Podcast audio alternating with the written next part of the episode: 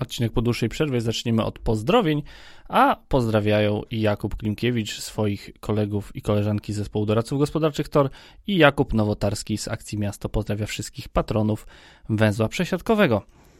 A dziś zaczynamy tematem, o który pytaliście, o który prosiliście, czyli zasadniczo postaram się wraz z moim dzisiejszym gościem przybliżyć to, skąd biorą się liczby pod tytułem ile osób pojedzie po danej linii kolejowej albo po danej drodze, kiedy już ją kiedyś wybudujemy.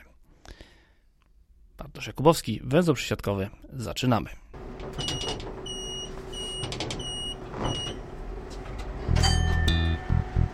A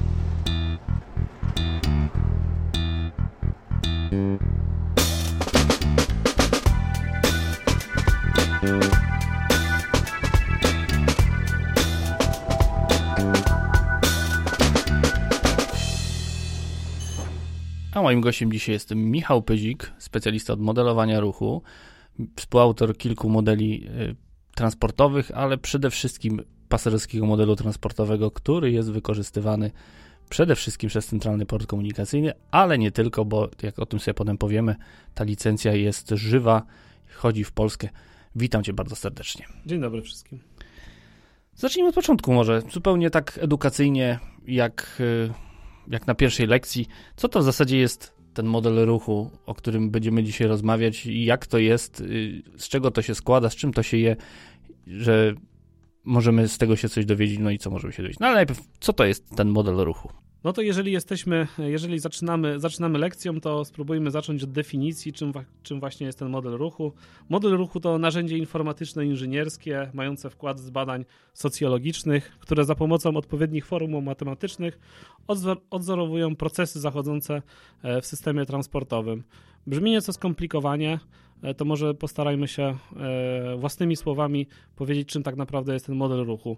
Model ruchu to tak naprawdę jest narzędzie, które ma odwzorowywać codzienne decyzje nas w systemie transportowym, e, czyli przekładając to na przykład praktyczny, na przykład jesteśmy osobami pracującymi, codziennie rano musimy podjąć decyzję o wykonaniu podróży, na przykład do miejsca pracy. Musimy się, jakby, żeby, pod, żeby taką podróżę w ogóle wykonywać, to musimy wcześniej podjąć decyzję, gdzie będziemy pracować. Jeżeli wiemy już, gdzie będziemy pracować, to musimy to musimy się zastanowić, jakim środkiem transportu tam pojedziemy, a jak podejmiemy decyzję, jakim środkiem transportu, to jeszcze jest decyzja, którędy pojedziemy, tak? Bo w zależności od tego, czy pojedziemy samochodem, czy autobusem, możemy jechać różnymi trasami. I de facto jakby właśnie opowiedziałem o modelu czterostopniowym, e, o modelu czterostopniowym, e, którą, który ta metodyka modelu czterostopniowego jest na, najpopularniejszą metodyką e, tworzenia modeli ruchu i właśnie przy pomocy tych modeli my tworzymy narzędzia, które mają odwzorować te nasze codzienne decyzje w, decyzje w systemie transportowym, a te modele jakby pomagają nam też, e, w jaki dokładnie sposób to jeszcze sobie w dzisiejszym e, podcaście omówimy, w jaki sposób te, te modele można, można używać.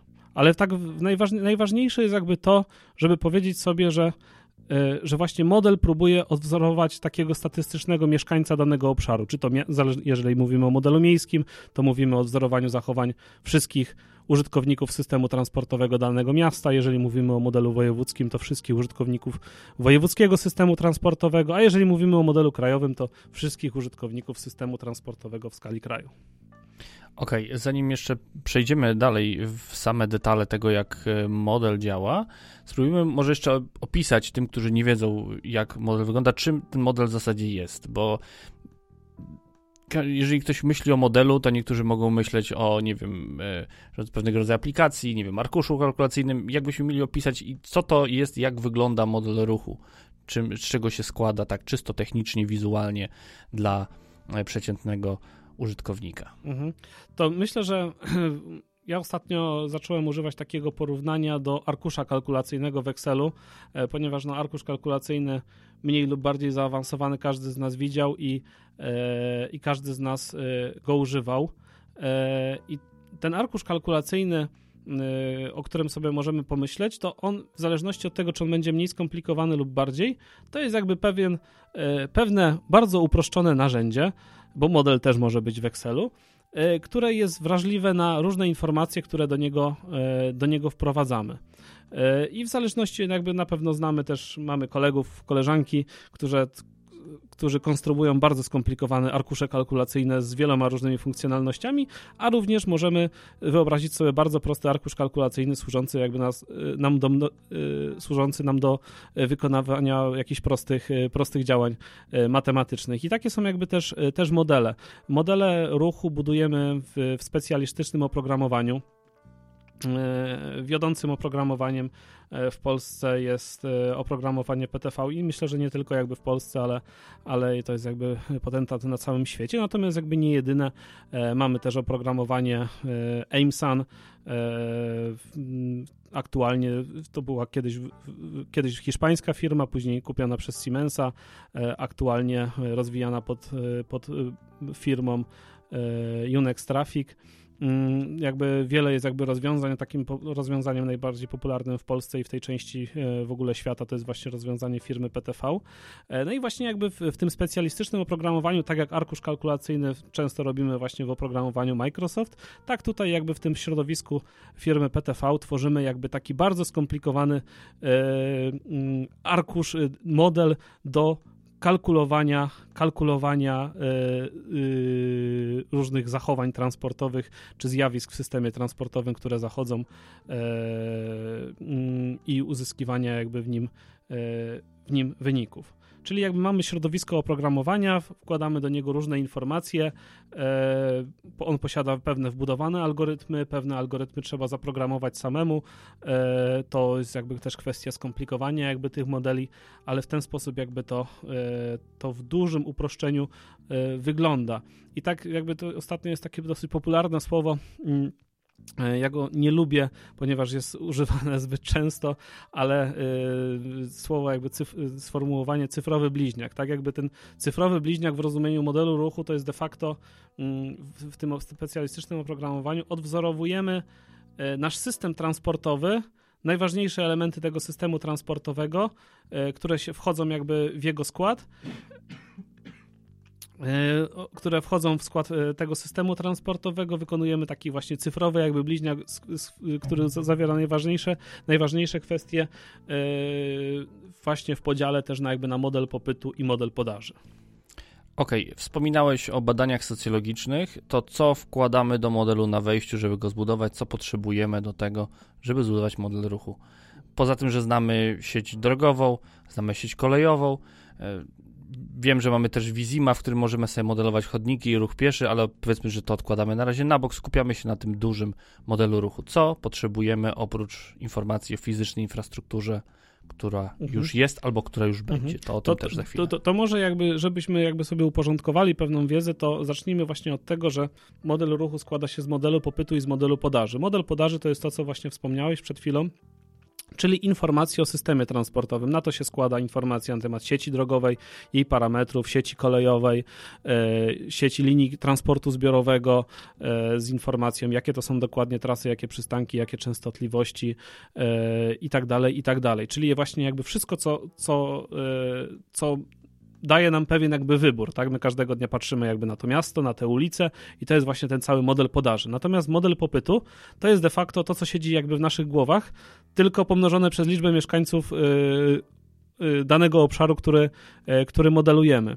Jeśli chodzi właśnie o, o wkład y, do wykonania takiego modelu popytu, to najważniejszą daną wejściową są właśnie tak zwane kompleksowe badania ruchu, a w nich ankietowe badania ruchu, czyli tak zwane dzienniczki podróży.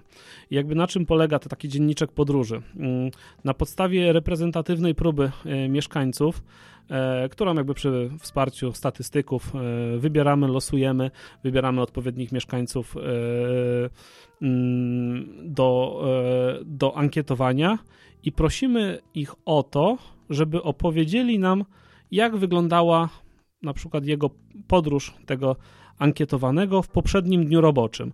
Jeśli chodzi o to w ogóle, na przykład jeżeli mówimy o modelach miejskich, to zazwyczaj ty, y, modelujemy typowy dzień roboczy. Typowy dzień roboczy, czyli to jest dzień wtorek, środa lub czwartek, czyli to jakby dni, które się nam często powtarzają. Poniedziałek i piątek nie jest reprezentatywny, bo zawierają jakby podróże związane z podróżami też e, weekendowymi. One nie do końca jakby e, każdego poniedziałku czy każdego piątku są takie same, dlatego skupiamy się na dniach e, wtorek, czwartek. I prosimy jeżeli jakby przeankietujemy taką osobę, to prosimy nam, prosimy ją o to, żeby opowiedziała nam, jak podróżowała wczoraj. I na przykład taka osoba opowiada, że wczoraj o godzinie 7.15 wyszedłem z domu, szedłem 500 metrów na przystanek autobusowy, następnie wsiadłem w autobus linii 523, jechałem 30 y, minut y, z ronda wiatraczna y, na Politechnikę, następnie przesiadłem się na przykład na metro, podjechałem cztery przystanki metrem, następnie zakończyłem swoją podróż metrem, znowu szedłem 500 metrów do miejsca pracy e, i tam przebywałem przez, dajmy na to, 8 godzin, tak? Droga powrotna, wyszliśmy z pracy, następnie przejechaliśmy rowerem do sklepu, wykonaliśmy krótkie zakupy, następnie poszliśmy pieszo na, może na, żeby był też inny środek transportu, to skorzystaliśmy z carsharingu, podjechaliśmy samochodem i wróciliśmy samochodem do domu i następnie, e, na przykład jeszcze w godzinach wieczornych, e, pojechaliśmy na siłownię samochodem prywatnym w takiej w takiej godzinie, o tej wróciliśmy i to był nasz dzień. I jakby w ten sposób, dajmy na to, e, ankietuje się około, w zależności od oczywiście wielkości ośrodka, w zależności też od próby, w zależności też od analiz statystycznych, ale na przykład ankietujemy, nie wiem, 1, 2, 3% mieszkańców e, danego miasta.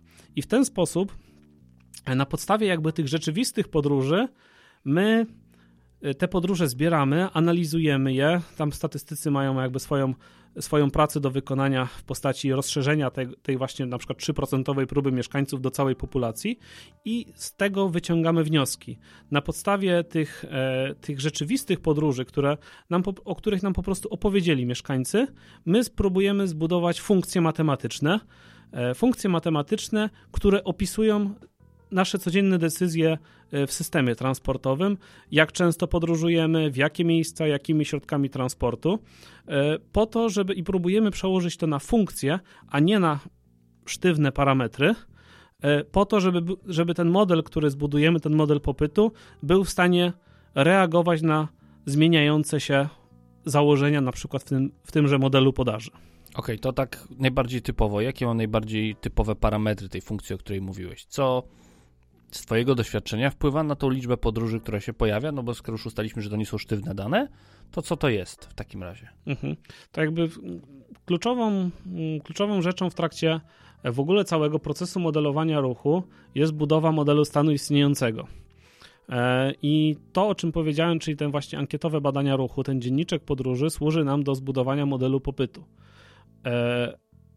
To, co wychodzi nam z ankiet, e, z tych zadeklarowanych e, zadeklarowanych podróży, my sprawdzamy w, e, w procesie modelowania, weryfikując, znaczy krzyżując to jakby z innymi danymi pomiarowymi. Do tego myślę, że jeszcze jakby dojdziemy, natomiast jakby może skupmy się właśnie na tym, co, co tutaj wskazałeś, czyli właśnie na co, co wpływa na liczbę podróży.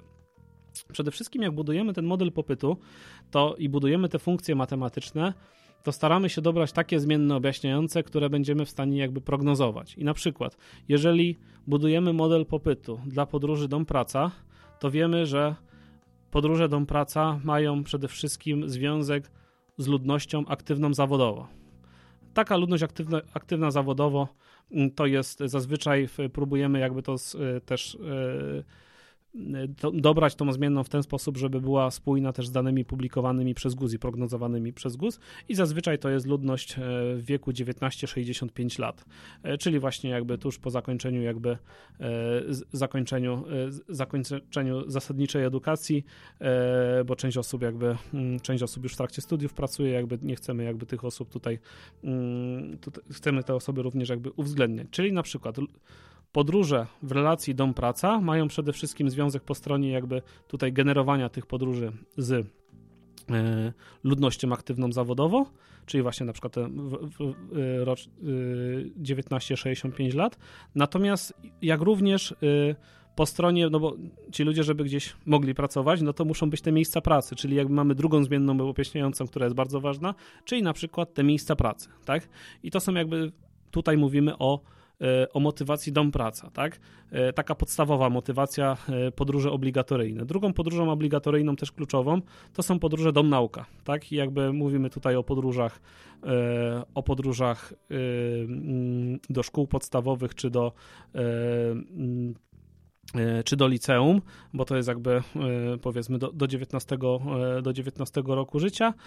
No i oczywiście jakby podróże też studentów, tak? Czyli znowu jakby tutaj musimy ta liczba podróży zależy od ludności w ty, właśnie w tych y, w odpowiednich przedziałach wiekowych, które do odpowiedniego y, etapu edukacji są jakby przyporządkowane. No i znowu po drugiej stronie, po stronie y, też te, te, ci uczniowie gdzieś muszą się jakby uczyć, musimy zbierać informacje na temat tego, gdzie są szkoły, jakie szkoły, ile jest miejsc w tych szkołach czy, czy na uczelniach, tak? Czyli jakby mamy dwie takie podróże obligatoryjne jeśli chodzi na przykład o podróże biznesowe, no to tutaj e, te podróże znowu e, e, modeluje się i prognozuje z, z uwzględnieniem znowu ludności aktywnej zawodowo z produktem krajowym brutto. Tutaj jakby jeśli chodzi o podróże biznesowe, to one mm, o nich mm, je bardziej szczegółowo, szczegółowo uwzględniamy w modelach krajowych. E, tutaj jakby szukamy, e, szukamy jakby związku właśnie między tą ludnością aktywną zawodowo i produktem krajowym brutto. E, no i też jakby podróże fakultatywne, tak? Czyli fakultatywne, czyli te, które możemy wykonać, ale nie są jakby nie są to podróże, które są niezbędne i bardzo i które są tak typowe jak te właśnie podróże obligatoryjne, czyli na przykład podróże podróże w celach e, rekreacyjnych, podróże w celach e, odwiedzin, podróże do sklepu. One jakby też nie są właśnie na przykład tak częste jak tak częste jak choćby właśnie podróż do pracy czy do szkoły. No i jakby z tego i tak omówiliśmy sobie kilka najważniejszych, najbardziej typowych motywacji. Myślę, że motywacji podróży na pewno pewną specyfiką wiążą związane są też podróże do e, wielkopowierzchniowych obiektów handlowych, czyli po prostu do galerii handlowych. One też mają jakby swoją specyfikę i wpływ na e, podział zadań przewozowych. E, mm, I, i, jeśli chodzi właśnie o te wyniki jakby ankiet, to mm, mogłoby się wydawać, no bo tak się zastanówmy, że jeżeli każdy z nas codziennie rano wykonuje podróż do pracy, to jest jedna podróż, podróż powrotna to jest druga, po, y, druga podróż. E, I, mm, no i wydawałoby się, że tak, każdy do, do, sklepu pójdzie, kogoś odwiedzi i tak dalej, to tych podróży może będzie 3, 4, a może 5. No jakby statystycznie to niestety jakby nie, nie wygląda to, e, nie wygląda to, to w ten sposób. E, średnia ruchliwość w zależności od miasta oscyluje tak między od dwóch podróży dziennie na mieszkańca do około powiedzmy 2,3-2,4 podróży na mieszkańca. Jakby tutaj w, w Polsce tak jakby w, w, w, takich obszarach, obszarach miejskich jakby z taką ruchliwością możemy, e, możemy mieć do czynienia.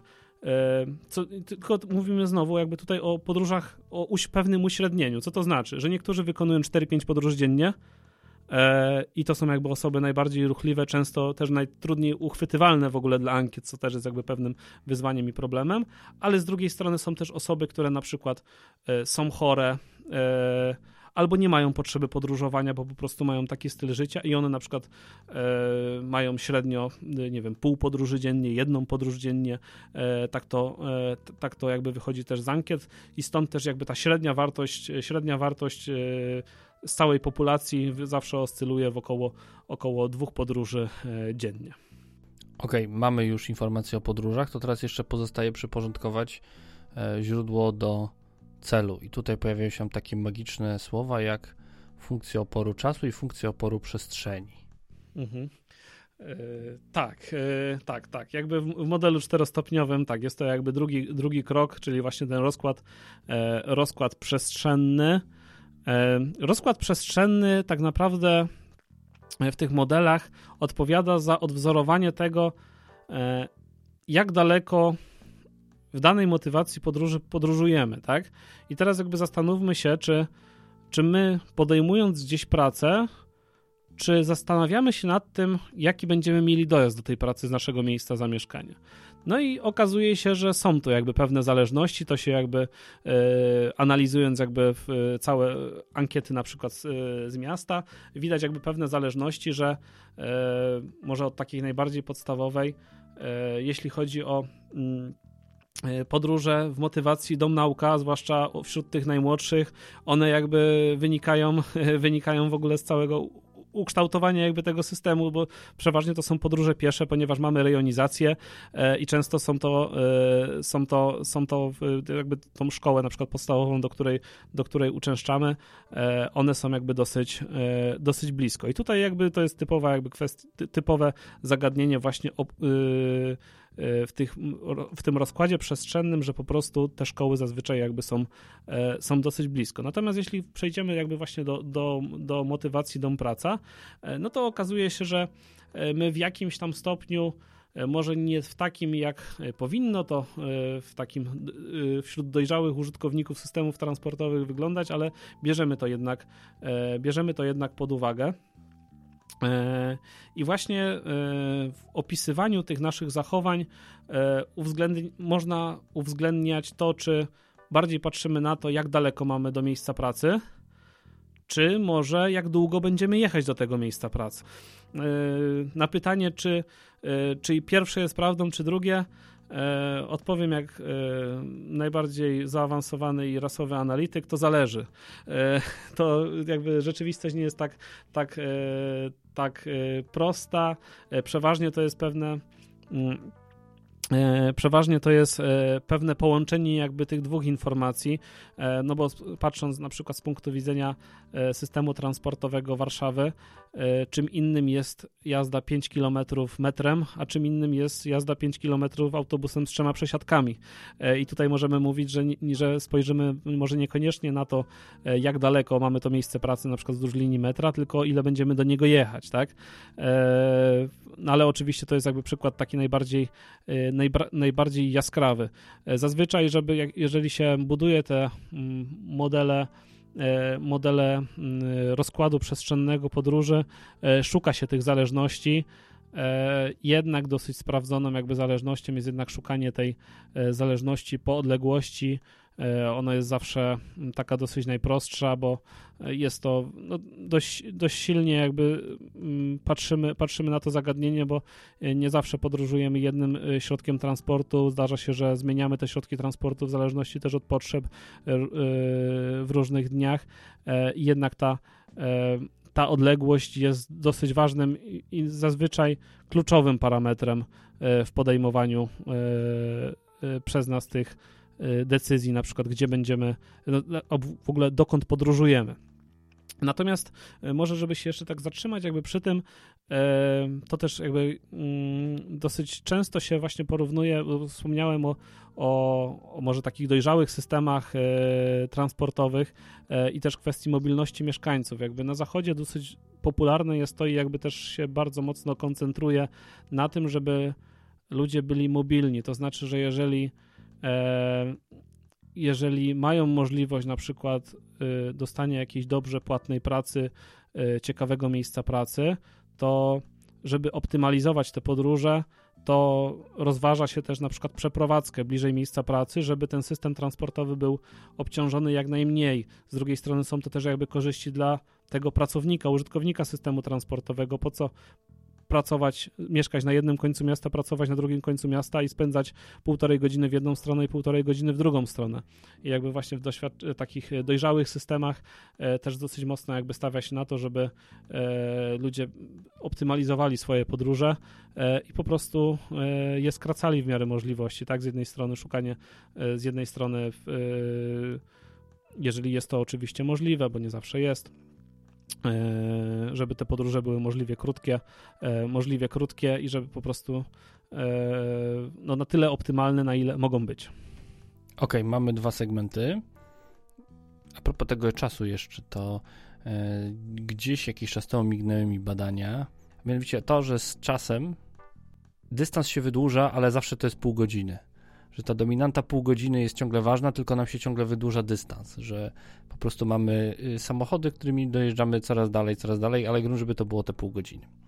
Mhm. Ale to wiadomo, dawno temu w Ameryce. Tak, tak, tak. No jakby gdzieś chyba w ostatnich dniach e, mignęła taka informacja, jakieś zestawienie, e, zestawienie e, wpływu pracy zdalnej na system transportowy, jakie oszczędności czasu w ogóle e, wdrożenie pracy zdalnej w poszczególnych krajach e, e, miało. I chyba dla Polski było w tym raporcie wskazane, jakby ja nie znam dokładnie metodyki zbierania tych danych, że w Polsce osoba, która pracuje zdalnie statystycznie y, oszczędzała, zdaje się, 58 minut dziennie dla podróży w tom i z powrotem do pracy, czyli to była ta oszczędność, która wynikała właśnie z pracy zdalnej.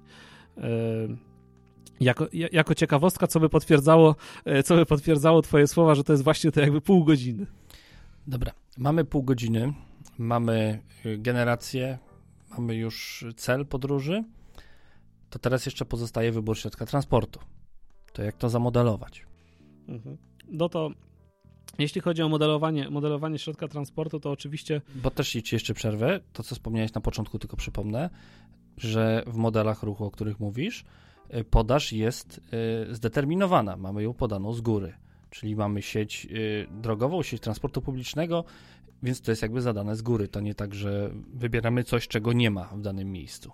Tak, tak, tak. Jakby zdecydowanie, zdecydowanie jakby model podaży jest daną wejściową i trzeba ją e, odwzorować w zależności, czy to jest jakby stan istniejący i sprawdzamy poprawność w ogóle działania modelu, czy też jest to jakiś właśnie, symulujemy jakiś scenariusz, mm, to jakby w tym scenariuszu sieć drogowa, na przykład sieć drogowa czy sieć transportu publicznego musi stanowić daną, daną wejściową.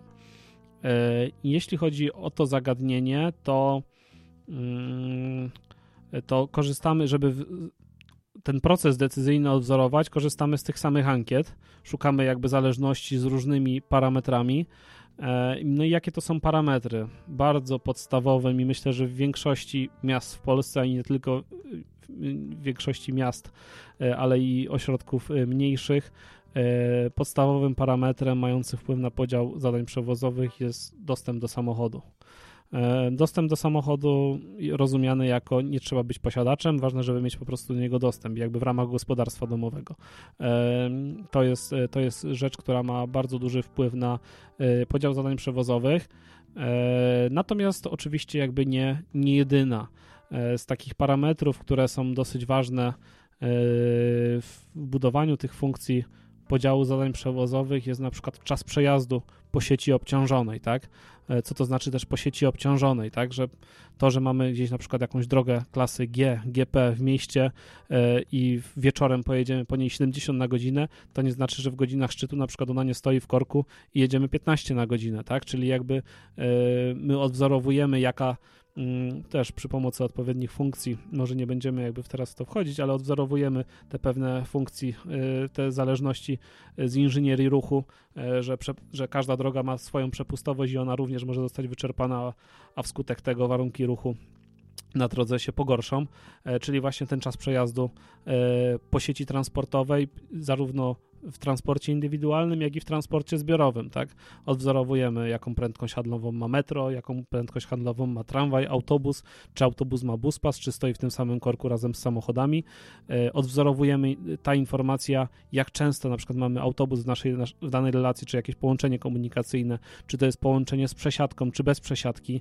E, mm, kwestia na przykład w, w miastach, w centrach miast, czy mamy strefę płatnego parkowania, e, czy też jej nie mamy, czy ona jest droga, czy tania, jakby to wszystko e, staramy się uwzględnić e, w funkcjach podziału zadań przewozowych. Oczywiście e, jesteśmy tutaj dość mocno ograniczeni jakością danych wejściowych. Im dane są lepsze, im badania są lepsze, tym więcej aspektów jesteśmy w stanie w takim modelu wyboru środka transportu uchwycić.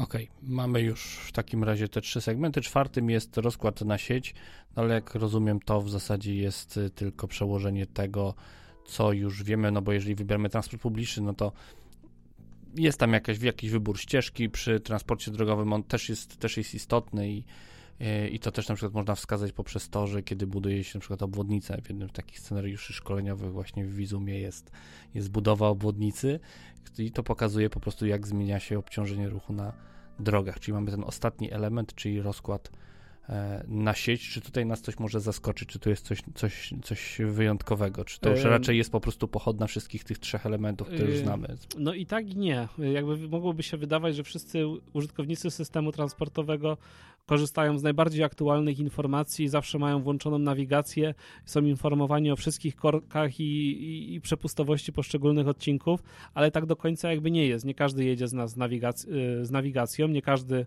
y, optymalnie, ekspercko wyznacza sobie y, tą, tą ścieżkę, którą jakby podąża i to na przykład w, w tym modelu rozkładu ruchu na sieć również jest uwzględniane. Na przykład mamy, dajmy na to jakaś ścieżka z dzielnicy A do dzielnicy B jest tą ścieżką optymalną, najszybszą, natomiast okazuje się, że tych ścieżek jakby do, między naszą podróżą z punktu A do B e, może być kilka i na przykład niektóre są nieznacznie gorsze, którymi również podróżujemy. Nie wszyscy jakby jadą dokładnie tą samą ścieżką i model też musi to odwzorować, ponieważ my się tak po prostu zachowujemy.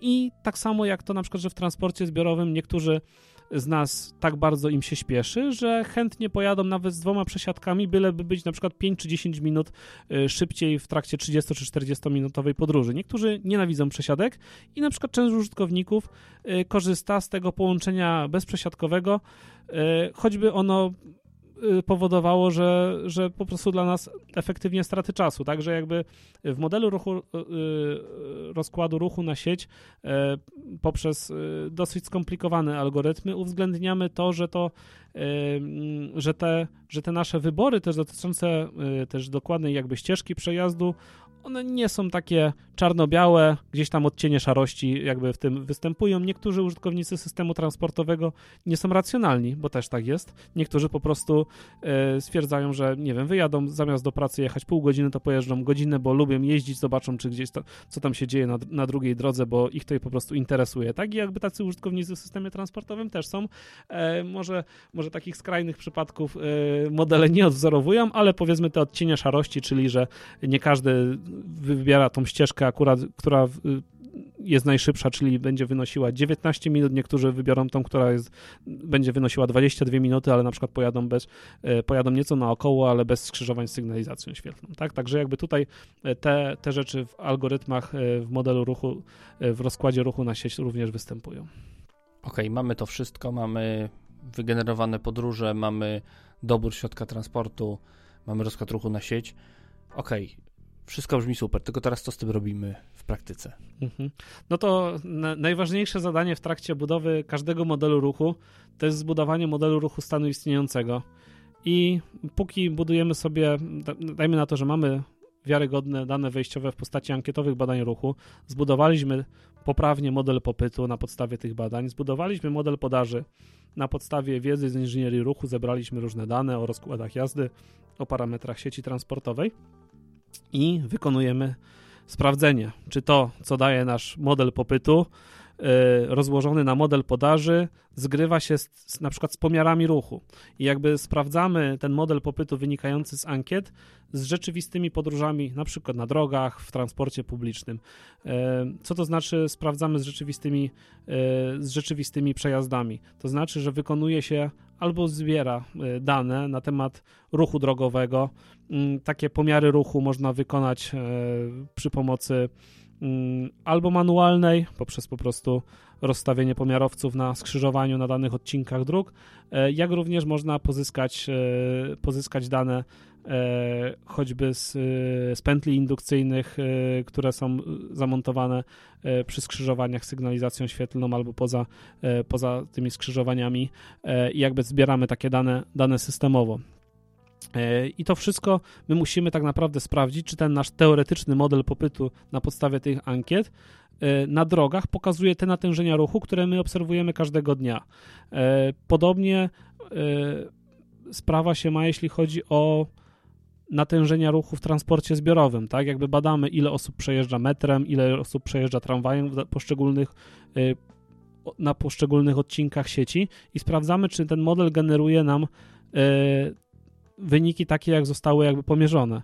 I generalnie dopiero, gdy te rozbieżności będą minimalne, tutaj się jakby kilka miar używa mm, na przykład mm, taki parametr statystyczny jak R kwadrat, tak jakby patrzymy w jaki sposób, w jaki sposób te dane z modelu zgrywają się z danymi pomiarowymi. No uznaje się, uznaje się, że że ten model wiernie odwzorowuje rzeczywistość, jeżeli ten R kwadrat, czyli właśnie porównanie pomiarów dan danych modelowych z danymi pomierzonymi e, jest powyżej 0,85. E, tutaj jakby jest oczywiście też kilka, e, kilka takich szczegółów, tych, tych miar jakościowych jest dosyć dużo, natomiast jakby ten model, model po prostu powinien jakby tutaj te wartości co do zasady dawać jakby dosyć zbieżne. Oczywiście to nie będzie tak, że jeżeli na danej drodze zmierzyliśmy 2100 pojazdów, to w modelu musi być dokładnie 2100 pojazdów, bo wynik typu 2050 albo 2150 również jest jakby poprawny, to jest jakby pewne uśrednienie i jakby nie, nie oczekujemy y, porównania 1 do 1, natomiast jakby te rzędy wielkości muszą być y, dosyć zbieżne. I jakby to jest właśnie ten kluczowy, kluczowy proces y, kalibracji modelu, jego walidacji, weryfikacji, czy pokazuje nam sensowne wartości, bo dopiero gdy zbudujemy ten model stanu istniejącego i upewnimy się, że on wiernie odwzorowuje tą rzeczywistość, którą obserwujemy każdego dnia na drogach, w tramwaju, w autobusie, to dopiero możemy iść dalej, czyli właśnie wykorzystywać ten model do jakichś analiz symulacyjnych, e, scenariuszowych, e, czy to wariantów rozbudowy infrastruktury, czy, czy, czy wdrożenia jakichś mm, planów mobilności itd. Tak itd.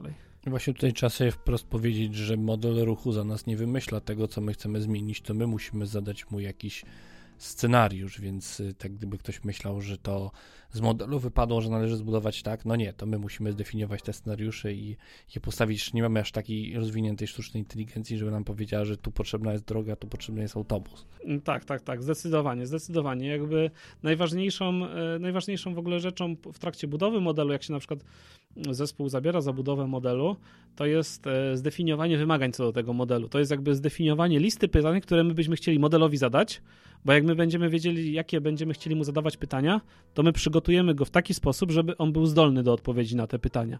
Natomiast e, tutaj jakby jest dosyć ważne, żeby sobie też jakby to doprecyzować, co, e, co, co, wspomniałeś.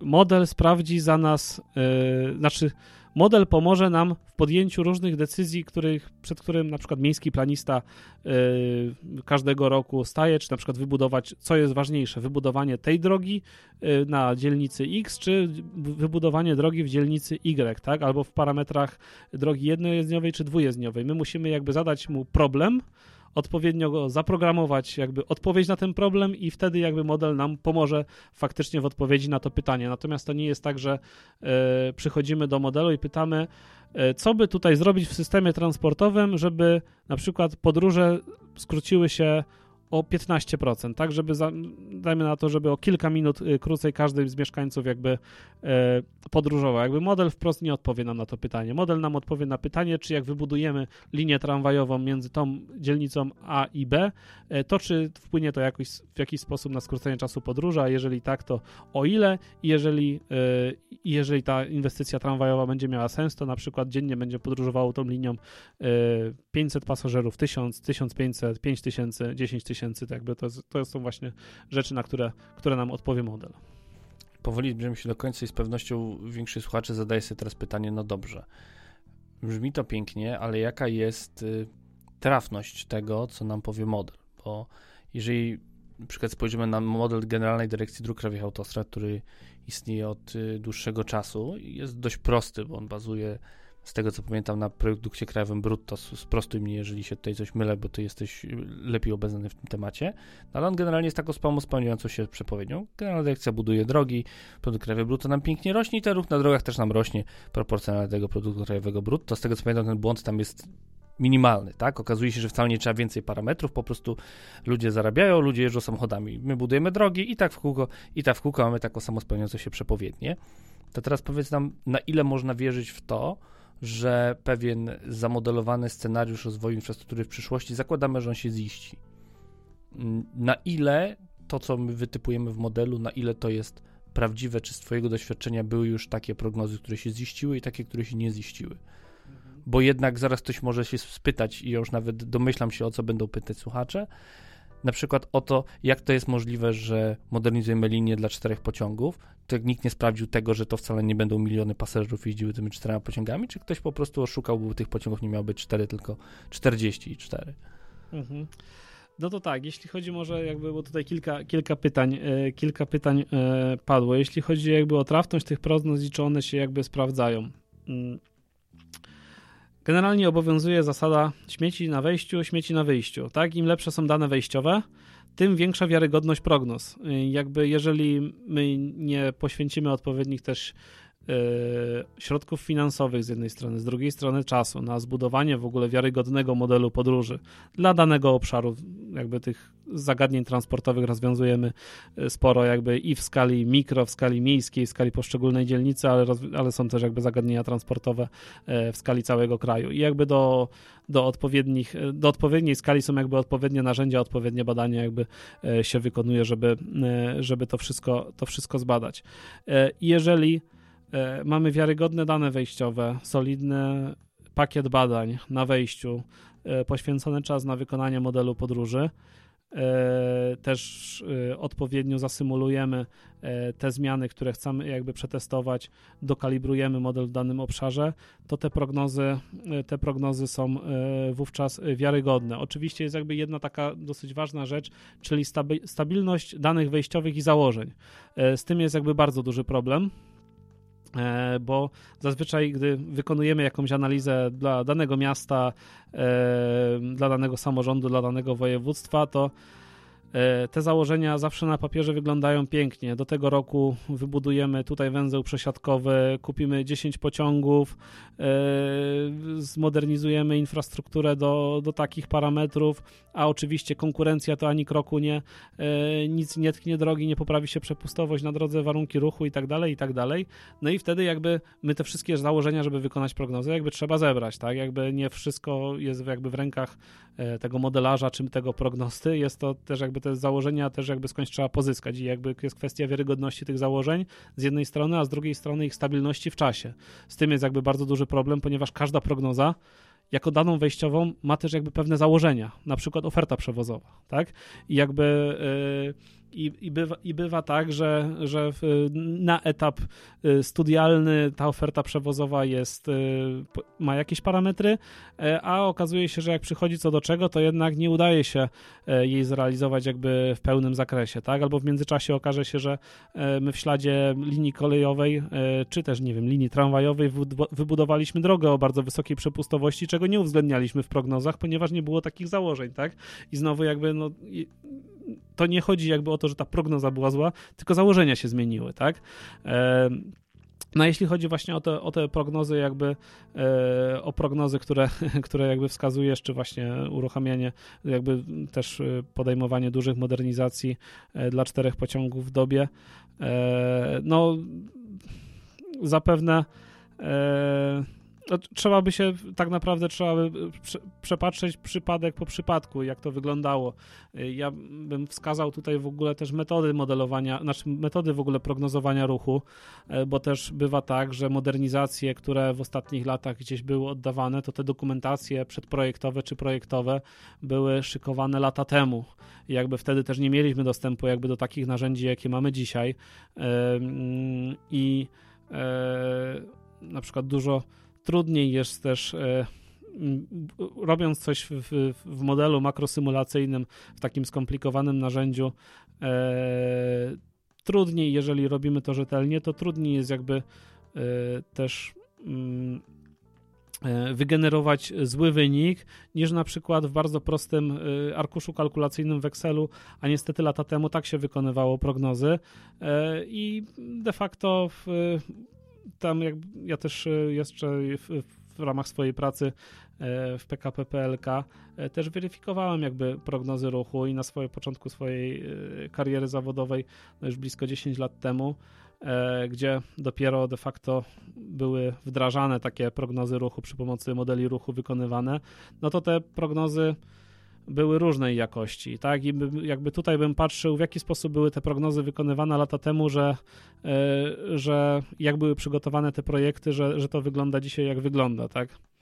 No, też rzeczywistość się zmieniła, to o czym rozmawialiśmy w międzyczasie, zanim zbudowano linię, zbudowano, wróć, żadnej linii nie zbudowano poza PKM-ką prawie, że zmodernizowano, to w międzyczasie wyrosła obok droga ekspresowa, więc te wszystkie założenia już są o kant y, stołu, przy którym siedzimy potłuc, więc... Mm, tak, tak i jakby gdyby, gdyby tylko jakby ta droga ekspresowa nam wyrosła, jeszcze zmodernizowaliśmy drogę wojewódzką, e, też y, y, konkurencyjną e, w śladzie jakby tej, tej linii kolejowej, a transport zbiorowy gdzieś tam podupadał przez lata, tak jakby ta oferta była ograniczona i ludzie się odzwyczajali od tego transportu zbiorowego, także e, w takich na przykład prostych modelach w Excelu ciężko takie zagadnienia jakby e, ciężko takie, takie, takie zagadnienia też e, uwzględniać.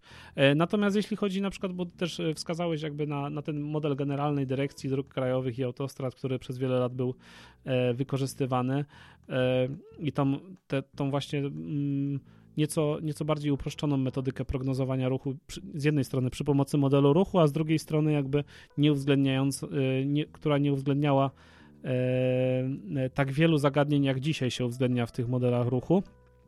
E, I, no i tak jak nawet, nawet jak się spojrzy historycznie, jak, jakie były prognozy generowane przy pomocy tego modelu i jak to ma się z dzisiejszymi wielkościami, to jeśli chodzi o, o sprawdzalność tych metod, one na drogach tych e, ekspresowych czy autostradach, one były jakby dosyć wysokie, tak? Natomiast to, e, żeby też jakby zrozumieć zjawisko, z czego, z czego wynik, e, wynikał taki dosyć zbieżny z PKB wzrost tego ruchu, to nie jest tak, że ten ruch nam rósł aż do tego poziomu tak zgodnie jakby z PKB. Drogi ekspresowe czy autostrady, one też agregują ruch z wielu różnych dróg niższego rzędu. I jakby jak się to wszystko pozbiera do kupy, to faktycznie jakby względem tego, co mieliśmy na, na jakiejś drodze krajowej, zanim ona stała się ekspresówką czy autostradą, jeżeli to zaprognozujemy przy pomocy PKB i sprawdzimy, jaki był wygenerowany wynik e, w tymże modelu, to faktycznie jakby ta zbieżność była jakby dosyć wysoka. Natomiast to nie jest tak, że po prostu jakby tak dużo więcej jakby jest podróży w systemie, natomiast my też ściągnęliśmy ten ruch z dróg niższego rzędu, tak? Jakby z jednej strony to jest wzrost, z drugiej strony to też jest agregowanie ruchu w tych, y, w tych korytarzach, tak? Tylko to właśnie widać dopiero y, spoglądając na, na też wyniki jakby tych prognoz, jak te, jak te potoki ruchu się kształtują, skąd one się biorą.